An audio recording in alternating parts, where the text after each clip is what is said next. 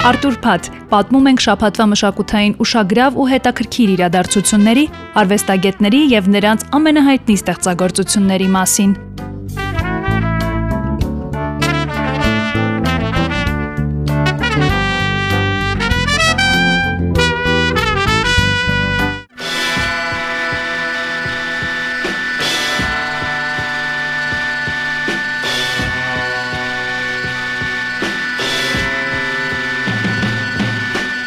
Նրա ֆիլմերում չկա սյուժետային հերթականություն։ Նա շատ հեշտ կարողանում է խառնել անցյալն ու ներկան եւ ստանալ հաջողված կինոարտադրանք։ Նա կինեմատոգրաֆիայում պոստմոդեռնիզմի ներկայացուցիչ, կինոռեժիսոր եւ սցենարիստ Քվենտին Տարանտինոն է։ And the Oscar goes to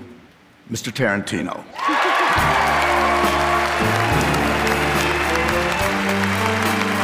This is the second Academy Award and fifth nomination for Quentin Tarantino. He took home his first Oscar in this category for Pulp Fiction. Տարանտինոն երկու տարեկան էր, երբ մայրն ամուսնացավ երաժիշտ Քուրտ Զասթուփիլայի հետ։ Հենց նա էլ մեծ դեր ունեցավ Քվենտինի կինոարտադրության աշխարհում հայտնվելու հարցում։ Տղան ողջ օրն անցկացնում էր խորթոր եւ նրա ընկերների հետ դիտում ֆիլմեր եւ հեռուստատեսային շոուներ։ Ֆիլմի հանդեպ սերն օրեցօր ավելի էր ամրանում տղան նույնիսկ իր խաղալիքների համար փոքր սյուժեներով կինոնկարներ էր բեմադրում։ 15 տարեկանում Տարանտինոն արդեն աշխատում էր Թորանսի կինոդահլիճներից մեկում։ Հաճախ տեսնում էր վատ կինոարտադրանք, ոչ մասնագիտական մոտ մոտեցումներ։ Այդ պահերին ավելի ամուր թելերով էր իրեն կապում երազանքներին եւ մտքում շարունակ կրկնում. Ես ձգտում եմ դեպի իսկական կինոն, ես ստեղծելու եմ որակյալ արտադրանք։ Կինոյում լինելու միտքն այնքան գրավիչ էր Քվենտինի համար, որ նա նույնիսկ ստել էր թե նկարահանվել է Մերիալների արևածագը եւ Լիր արքա ֆիլմերում։ Վիդեովարցույթում աշխատած տարիների փորձը ակնառու է Տարանտինոյի ստեղծագործություններից յուրաքանչյուրում։ Սա մի մեծ դպրոց էր, որտեղից ստացած գիտելիքն օգնեց Տարանտինոյին ստեղծել այնպիսի կինոարտադրանք, աշխատանք, որը նրան դարձրեց լավագույն ռեժիսորն ամերիկյան կինոյում։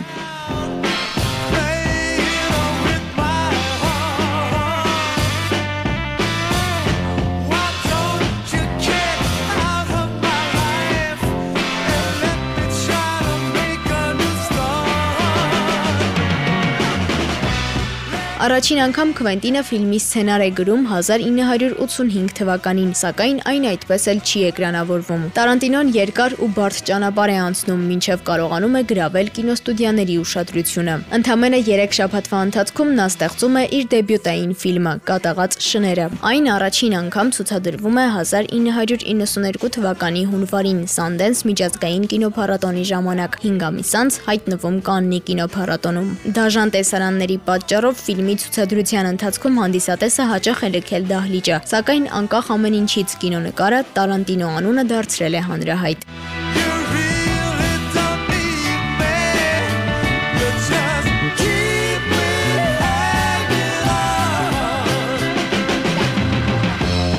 Չնայած կատաղած շները կինոնկարի հաջողություններին Քվենտինին մեծ հրճակ եւ ճանաչում է բերում հաջորդ քրեական ընթերցված կամերիկյան գեղարվեստական ֆիլմը։ Այս կինոնկարը սկիզբ է դնում մի նոր ժանրի, որի նմանն ամերիկյան կինոն դեռ չէր ունեցել։ Հենց այստեղ էլ ակներև է դառնում Տարանտինոյի ֆենոմենը։ Երկու ժանրերի՝ քրեական դրամայի եւ կատակերգության միախառնումից ռեժիսորը ստեղծում է այնպիսի կինոնկար, որը դառնում է ֆիլմ լեգենդ եւ մեծ ազդեցություն ունենում 90-ականներին ստեղծված ֆիլմերի վրա։ Ինչպես կատաղած շներ Մեր ֆիլմում այս ֆիլմում էլ սյուժեի դեպքերը Տարանտինոն խառնել է եւ ցուցադրել ոչ ճիշտ հերթականությամբ։ Կինոնկարը Տարանտինոյին համաշխարհային ճանաչում ապարգևեց եւ արժանացրեց Օսկարի լավագույն օրիգինալ ֆիլմ անվանակարգում, ոսկե արմավենու ճյուղ մրցանակի Կաննի կինոփառատոնում եւ եւս 40 այլ կինոմրցանակների։ Ֆիլմը շրջադարձային էր ոչ միայն Տարանտինոյի, այլև դերասանների համար։ Ումա Թուրմանը, Սեյմուել Ջեքսոնը, Ջոն Տրավոլտան հենց այս կինոնկարի շնորհիվ համալրեցին հոլիվուդյան առաջատար աստղերի Օսկարի ցուցակը եւ առաջադրվեցին Օսկարի։ Կինոյի աշխարհում իր առանձնահատուկ տեղն ունենալու եւ որակյալ ֆիլմագրություն ստեղծելու համար Տարանտինոն շատ բաներից է հրաժարվել։ Քվենտինը նույնիսկ չի ցանկացել ամուսնանալ եւ երեխաներ ունենալ։ Ռեժիսորն իր ողջ կյանքը նվիրել է ֆիլմերին։ Նա հաճախ է ասել, որ դա իր ընտրությունն է, իսկ ընթացքը կինոներ ստեղծելու իր ժամանակը։